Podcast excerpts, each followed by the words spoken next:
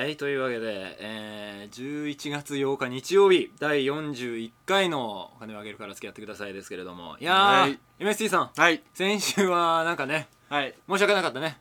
そうですね。いやー先週は。まあ結果的には良かったんじゃないかな、どうなんでしょうねその辺は。まあ、実験的ではあったね。結果的には。でもまあ半々でうん。15分ずつぐらいに区切れたかうら、ん。まあ退屈はしたかったんじゃないかっていう。まあ、ちょっと喋ってる方はねまだまだん。5分かまだ10分かみたいな。まあでも意外とノープランでいけるもんだな君はたっぷり使うね。うん。尺を。ノープランだったから。たっぷり使うなと思ったよでもあれ真っ昼までさ、うん。で君とメールしてさ、はい。あの時ちょっとまあこういうふうにするかって言ったら、うん。なったら後にはいはい。ちょっと考えたんですよ、はい。どうしようかなって。うん。何を喋ろうかなって考えたんだけど、うん特に何も思いつかなかったから じゃあとりあえず回してみるかあとりあえず撮ってみようってそいうね。いや分かったそれは。それはねなんとなく伝わってきた。そうだとりあえず回した結果、あれでまあそっちで止める気もなく いや取り直す気もなかった。今考えてるんだなっていうのが非常にひしひしとねうん。伝わってきたけどね。まあたまにはああいうのも。そうまあ確かにねまだね俺はその前半の15分を受けてなんか言えるけどね。ゼロからの失敗裸一貫からのうんスタートだったからねどうどうなんだこれはと思いながら。いやーいや。まあはい。どうでしょうね。先々週よりは面白かったじゃないですか？そうだね。先先々週よりは結果的に面白かったとは思う。うん。いい いいんじゃないでしょうかということで。ねはい。はい。さあ今日はお久しぶりに、はいあのーえーとそうそう音質がいいんじゃないかい？っていう多少クリアなんではないでしょうかとそいう。うというのはですねあのあ 貧しい IC レコーダーの暮らしから音出てですね、久しぶりにあのちゃんとした録音でお届けしてるわけですけれども、はい。はい。ちょっとまあ今までねちょっと音質面でいろんな各方面から苦情がねもういい加減にしてくれと。ガサゴソガサゴソ。うるさいと。ねあの吹いてる音がすごい。初期のあのクリアな音質はどこに行ったんだどこに行っちゃとったんだっていうわけだったんですけどね、いう声が多かったんで。えー。今日はちょっとちゃんとあのちゃんとねいってみたいと思いますよ。やってます。クリアな音声でお届けしますよ、普通になんか目の前にマイクがでかいのがありますね。あるなって思うね。うん。はいそんなまあ、今後もこういう感じでやりたいですよねやりたいってね本当はね。まあ。なんかほらやっぱりこうちゃんとしたマイクがあるとねこうせ背筋もねそうちょっとラジオっぽいよたたずまいももシャンとしてくるよね、うん。声もなんかねこう綺麗な感じでお届けしなきゃいけないんじゃないかなって思ったりなんかしてね。なんか咳込んでんじゃないか。喉やられちゃってあ喉やられちゃったんですね。喉やられちゃはいったはい。わかりました。さあ そんなこんなで。しかしまあ相変わらずコンテンツはコーナーとかはちょっともうなんかグズグズな感じになってきてるけどね。え何？立ち消え立ち消えてきているけどあこのラジオこのラジオのコーナーとかがね。あいつしかね。そうですね、うん。結構グダグダな感じになってきますね、はい。やっぱり今日ね。なかなかねちょっとはい。毎回考えるの面倒くさくなってきてるなってきてるっていうのはね否めないところなんで。まあでも今日はねだから今日を乗り切るための コーナーが目白押しですよっていうことで。さあじゃあ今週もいいっちゃっていいかい？えー、言っちゃっていいと思いますよ、はい。わかりました。じゃあゴゴー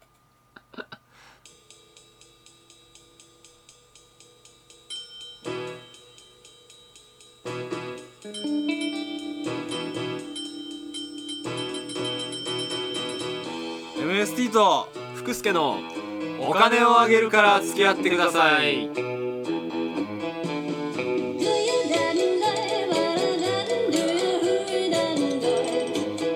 さあというわけではい。はい、やってまいりましたけれども。やってまいりましたね。なんでなんで今ギターを叩いたの？さあはい。何を話そうか今週は。何を話そうかね今週はね。今週は今週何があったんだね。今週は何を何があったのかっていうことだよね、そうそう。君なんかないの？プライベートではベートではうん今週は 考えてるから鍋ですかねええ鍋。鍋をやったの？あそう鍋い美味しかった。家になんか誰か呼んで。そう友達を呼んで。友達を呼んで。女じゃないの？うん男です。じゃあダメじゃないか君。女を呼ばないとダメ。タイムリミットが迫ってるんだよ。それはまあだからおいおいやってんじゃないですかいろいろ、もうだってもうおおおよそ一月だよもう。ねこれ年内までにできなかったら先君週だからあの放送で独り言のように言ってましたけどうも、合コンっていうかまあ友達に紹介されたというかそういう女の子を食事に誘ったんですよ、うはいはいはいはい。まあ、それが来週会うので、まあ、それがダメだったらもうダメです これもう自動的に最終回ということになりますけれども。大丈夫ですかこれ。それでも何も進展がないければこっちでもう無理じゃないですかね、うん もう新たな動きを起こすことはない。無理だと。もうね体力とか精神的に無理です、そうだね。じゃあちょっと最終回への足跡がコツコツと。意気揚々と近づいているこの綱渡りラジオだってもう鉄合コンした骨渡りくないもん。鉄骨あたりのようなねラジオですけれども。合コンしたくないもう合コン言したくってたもんね。年内とりあえず。そうだねそうだからしかもほら前回言ったけれども、うん。やっぱりお金を求めてるお金のある人を求めてるんだと思うよ。今だって婚活婚活でしょ？それは衝撃だよね。そうだ。衝撃。衝撃の事実発衝撃の覚事実だよ。ここに来て気づくことでもなかったかもしれないけどさ。だってほら。いそんな人たちには見えなかったけどなやだから合コンって言いつつもはやその合コンの婚は婚活の婚になってきてるかもわからないよ今。いやでもその時あでもどうなんだろうな。だからそういう話もするじゃないですか、うん。合コンでも、はい。婚活がどうのとかさ、はいはいはい。結婚とかどう考えてんだと。どう考えてんだみたいな話も若干するじゃないですか、はい。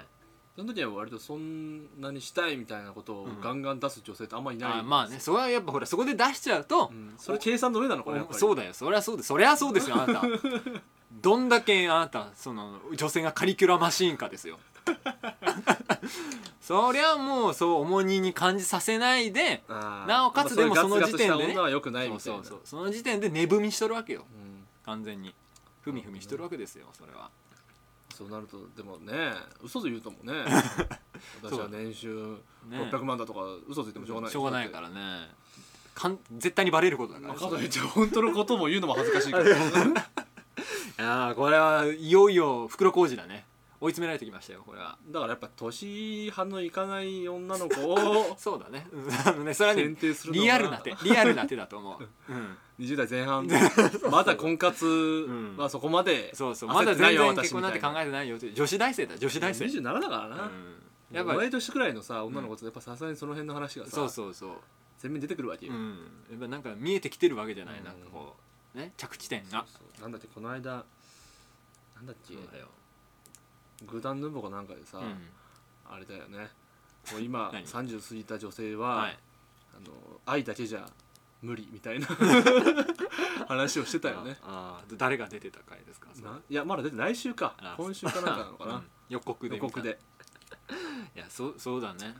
そうだと思うよ。愛と金をさ。生々しいですね。天秤にかけてさ、おっていうおっていう時期なわけだよこれは。もう、まあ愛愛愛さえもさうん、ね愛はお金で買えるからね。愛がお金で買えるってことだなその要するにさ。買えますから。金があるついてくるわけだろ、うん。伊藤美咲もすげえ金持ちと結婚したけれども、ねパニコメーカー京楽なんかちょっと引くよねあれ。社長とです。ね俺あの構図すげえちょっとなんかなんか漫画みてえだなって思ったんだけど。なんかあの絶世の美女がさ、大金持ちと結婚する感じ、まあ、むき出しな感じはあるよね。そうそう。ね。だってほらまあパチンコメーカーなんてもう超儲かってるからね。ね。うん。年収奥の人なわけでしょ相手は、なんかなんなんだろうこの夢のない感じと思ったね俺は、むき出しですよ、うん。うなんだ電車男のヒロインだったぞこの人はってん、い いやう本当象徴的だよね本当に。ね結局エルメスはエルメスだだったとということですよ本当に。いうことじゃないですいかやーもうなががっくり。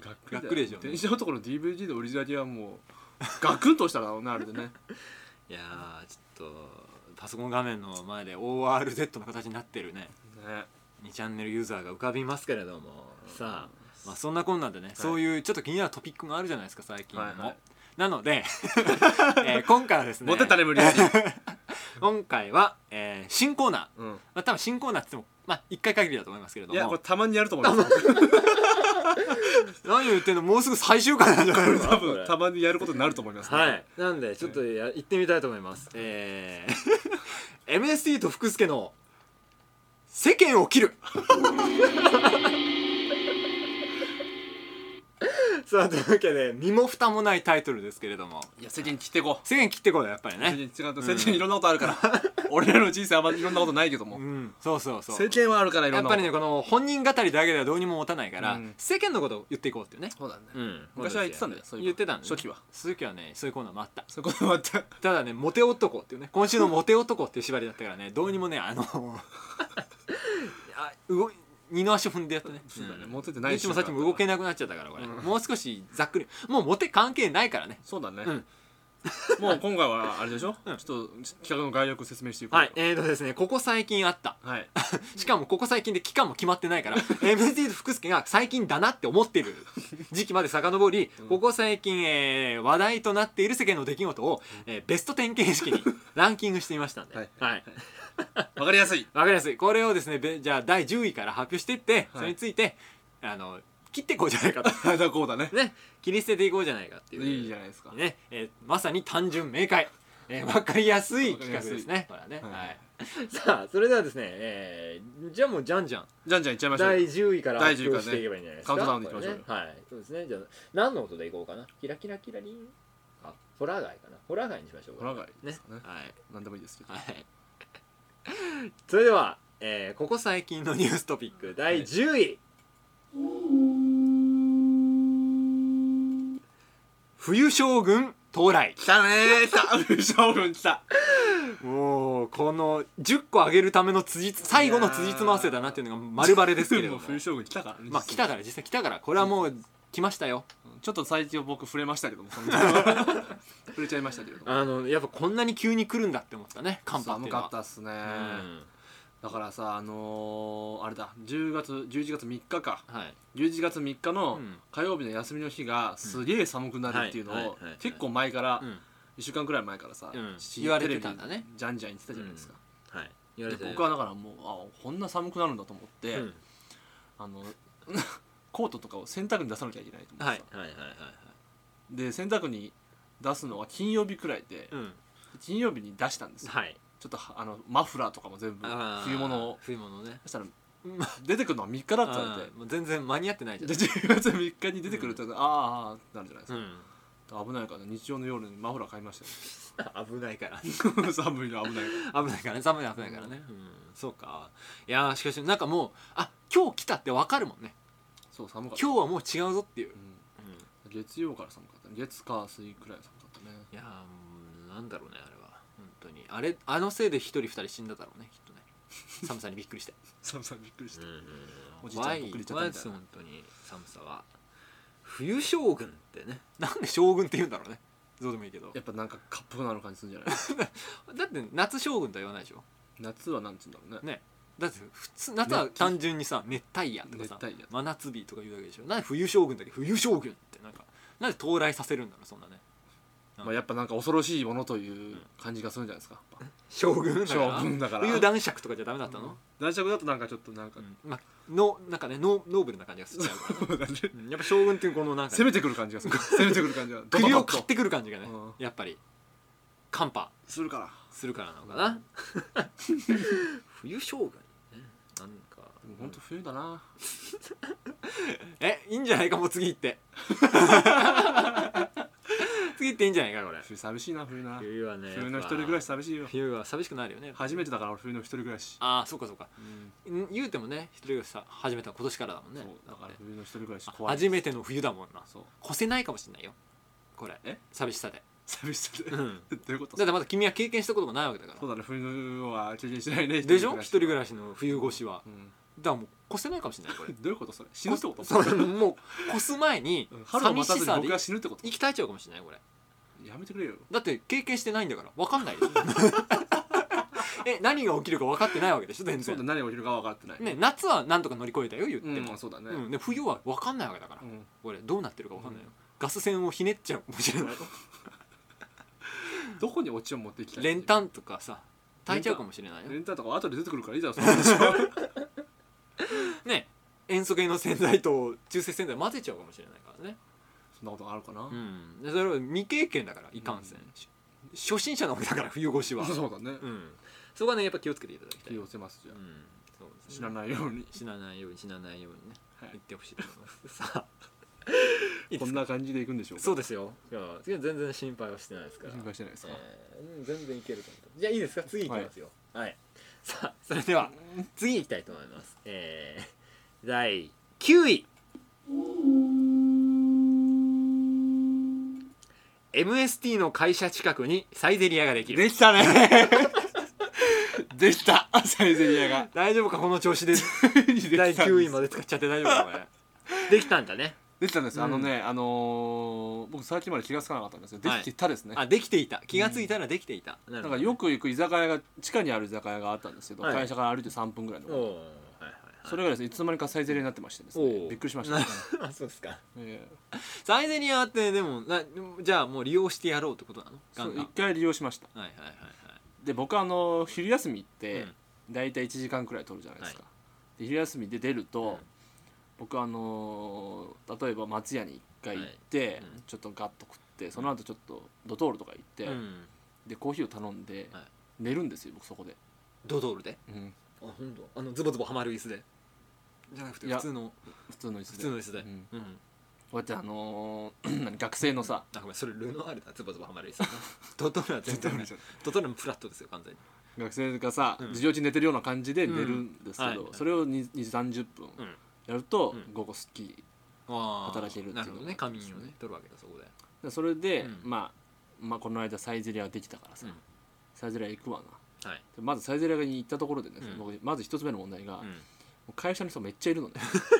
サイゼリア。あもう御用達になっちゃったんだちょっと。なんかめっちゃいるわけ、うん。もうとりあえず俺一人で入って、はい。で俺の席にたどり着くまでに23人に挨拶しなきゃいけない感じになってくるわけ。あーそれは嫌だね。最悪ですよね。完全に嫌だね。ドトールはねあんまり人いなくて僕も寝ててもあんまり。うん。前一人暮らししてた時はですね、はい。あれだったんですよ。えー。スタバ。あ なるほど。金があったからまだ。ああはいはいはい。スタバで寝てたんだけど、ドトールに寝てたドトールにでサイゼリアでね食ったらそのまま寝ちゃえばいいじゃないかなと思ってさ、うん。ファミレスだし。うん。うん。ダメなんだねでもね。で食っやっぱ。でいや頼んだんですよ。はい。なんかハンバーグかなんかね、はいはい。食べ終わって、うん。でその後ちょっと文庫本ペラペラめくってさ、うん。であ眠たくなってきたなってところで寝ようと思ったら、うん結構空いてたの。でも大体飯食う時間って2時3時だから、はい。普通の12時台とかじゃないんですよ、うんまあピークはもう過ぎちゃってるわけだ。そうそう。だから2時3時でピーク過ぎてるなと思ったら、はい。はい隣にさギャルが座ってきてさ、はいはいはいはい。2人。うん。はうるせえなピーチクワチク いはいはいはいでギャルの会話がさ、うん。まあなんていうのあのギャル独特の会話。うん。あのー噛み合ってないんだけど、うん。延々と続く感じ、はいはいはい。お互いに自分の近況を報告して「えー、そうなんだマジで私は」みたいな感じとさ、一人ずつ完結していく感じね。そうそうそうあのねあの投げ投げ合わないっていう。あれもあれにいちいちツッコミを心の中で入れちゃって「うん。おいおい」っつって「今の話どこ行った」みたいな。話急に変わんじゃねえかみたいな。それでなんかもうあんま安眠できなくて。ですねだってだそれはねサイゼリアはギャルのメッカだからね。そう。ん。だって大塚にも近所にあるけう、ど、うん。大大概行くともうだって高校生大学生うん。ギャルでしょ、うんやっぱほらお金がない人たちが集う場所だからそこはさ。安いもんな、ね安いから。それでドリンクバーでなんか、ま ま、適当にドリンクを混ぜ合ってはしゃいだりしてるわけだよ。うん。でに休みの日だとちょっとした家族連れなんかもさうん。ねあの ちょっあのなんかですねか格差社会って感じするじゃないですか。割とねあの仮想の人たちの家族がいっぱい来てるでしょ、まあでも子供はサイゼリアと母さんの違い分かんない分かってないから。分かんないからそうそうそれで連れてきますよやっぱ親は、ねサイゼリアでいいやっつってうんうん、だからねうるさいんだよ基本的に、そうだね。うん、な落ち着いて何かをする場所じゃないよね、うん、そう。いやだから本当にね。そうですか。サイゼリアね。サイゼリア利用しようと思ってたんですが、うん。もう挫折しましたね一回で。あーそうですか。僕の安眠が妨げられると。はい。なるほど、はい会社の人めっちゃいるし。ってことでしたね。サイゼリアはねまたちょっと松屋とは違った下流感があるよね。なんかあの なんつなんかちょっと方面が違うんだよやっぱり、うん。松屋は本当になんていうのそのワーキングプア的なさワーキングクラスのうん下流感なんだけどサイゼリアはちょっとどっちかというとそのストリートな感じで、あなんかあ家族とかね。そう家族とかギャルとかっていうギャルとかより郊外な郊外っていう感じがねします。と思います。はい。じゃあじゃあ次行ってみようか。いいですか？はいいいですよ。次です。えー第8位。はい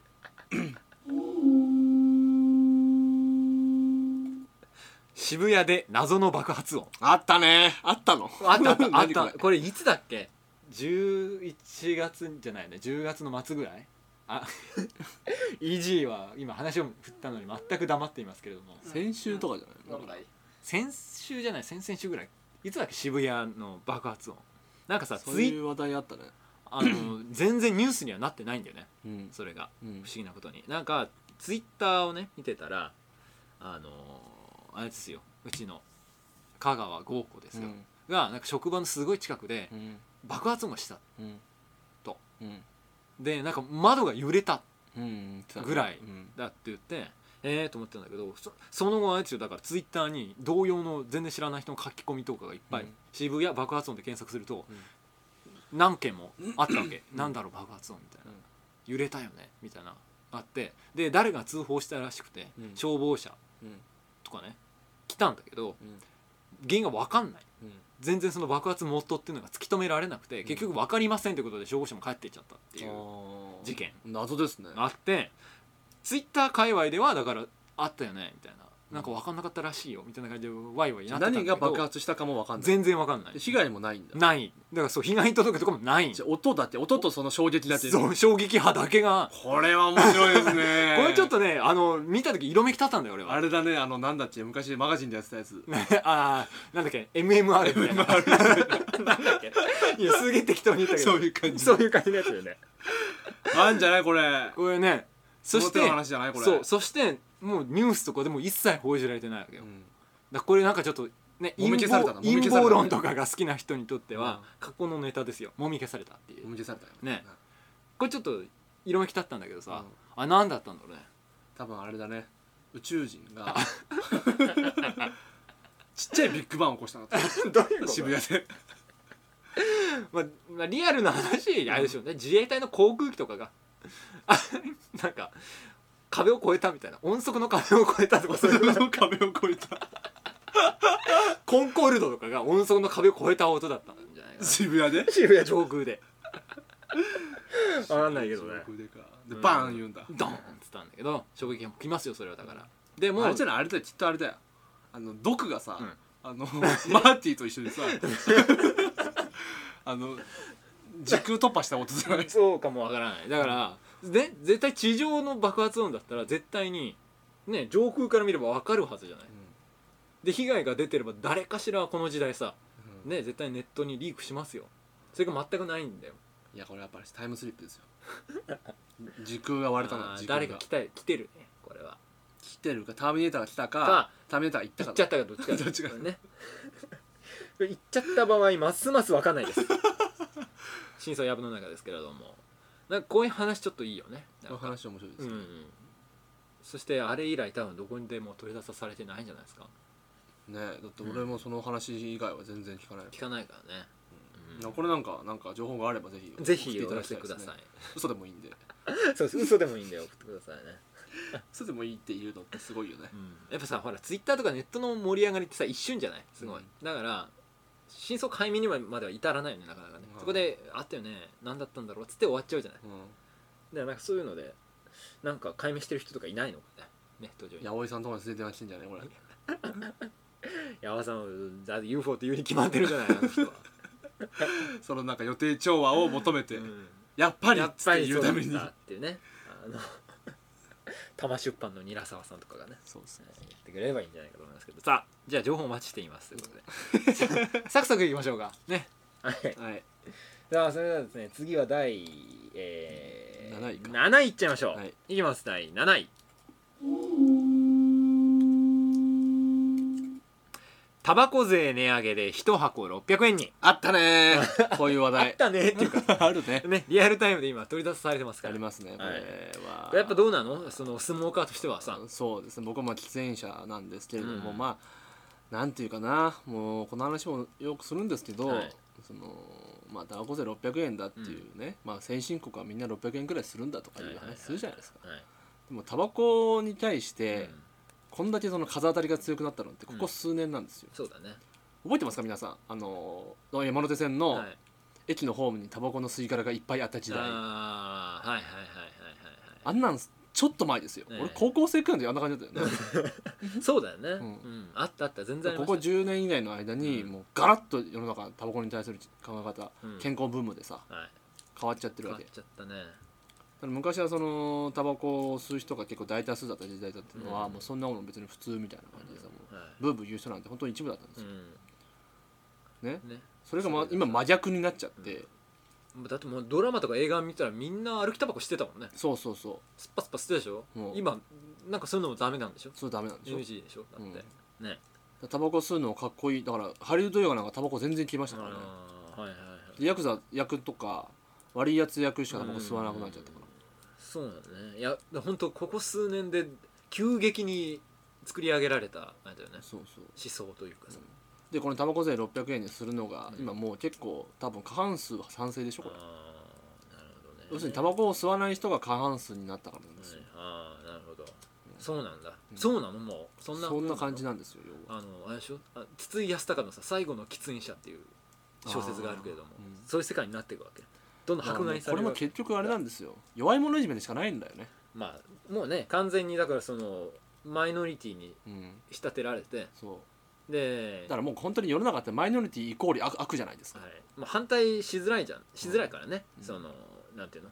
タバコは悪いもんだと。健康には害だから、その反対する理由がないと。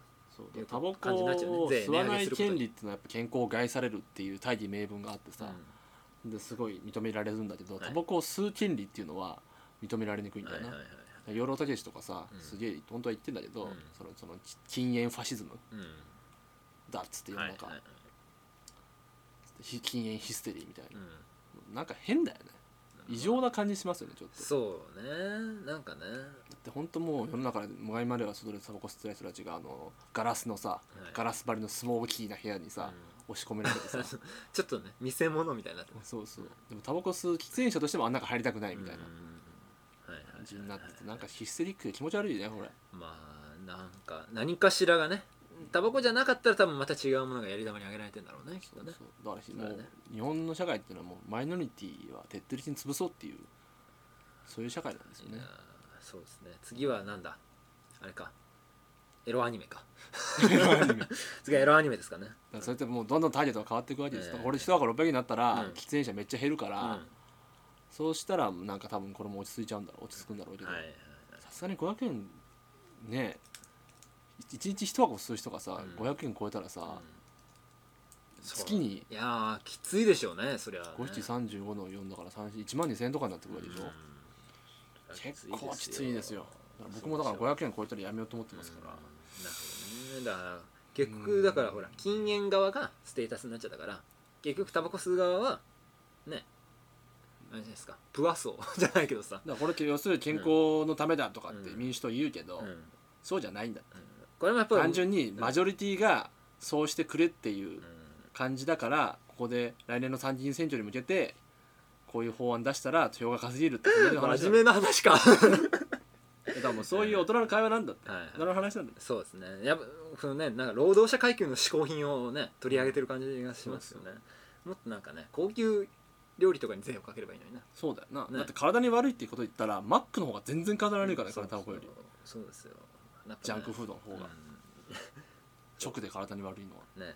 だからなんかもっとね贅沢なものにねそうそう。税金かければ金持ちに税金税金かけないんだよな。だから高級料亭に税金かけないんだよ、ねそうそうそういう発想はないからうん要するに弱い者いじめなんだよね、そうですあとなんだろうね。なんかゴルフ税とかね。あゴルフ税いいね。ゴルフ税あるか？ないよね。ないでしょゴルフ税。なんか今ね俺ゴルフ税って言ったら言葉の響きがすごいしっくりきたからあるのかなって思っちゃっだからそういうことだよね。だから金持ちから金取ろうっていうた話しないと、そうそうそう。いうことだと思いますよ、うん。うん。真面目な話になっちゃう真面目な話になっちゃったけどね。こういうこともたまには言っていかない切るんだから。そうですよ。席も切切ってる切ってるわけ切るわけですから。勝つですからねはい。はい。といったわけでちょっと時間がなく時間が来ちゃいましたねこれね。えーまだ？7位まで。今でしかやってえー、伸ばしましょう。来週来週しましょう。に伸ばしましょう。はい。6位以降は。6位以降来週本当は6位ままでやりたかったんです。なあそうだね。ちょっと駆け足になっちゃうかもしれないけど、ね、ちょっとはい、6位以降は。6位以降はね来週にします来週で。というわけで。はい。はいじゃあ そうそうエンディングじゃあ締めちゃった方がいい。いいのかな？これねあのそうそう収録が、ね、あの音質が上がってるんで。あれしないといけないですね。ちょっと早めにちゃんと終わっとかないといけないでね。さあというわけで。いやーたっぷりしてるね。たっぷり使うね我々ね。もう貫禄だねこれはね。貫禄です全然持たせることに関しては、だいぶ手だれになってきたんじゃないですか、えー、もう持つねっていう。持つ持つ。うん怖くない。たっぷり使うことは怖くないから別に。ねこんな感じでいきたいと意外とでも世間に言いたいことありましたね。ありましたね。えー来週は来週も割と面白い。そうですね。第6位からの発表ですから、いいと思います。割ときますよはい。来週はじゃあ6位から4位までにして さあ来週でベスト3っていうのもありかもしれない。ですねいやーたっぷりしてきました。ねさあというわけでじゃあそろそろ終わりましょう。終わりましょうじゃあ、来 週ももっていうことで。もうっていうことで、はい。世間を切ります来週も。世間を切りますよ。はい、来週もあのまたモテますように。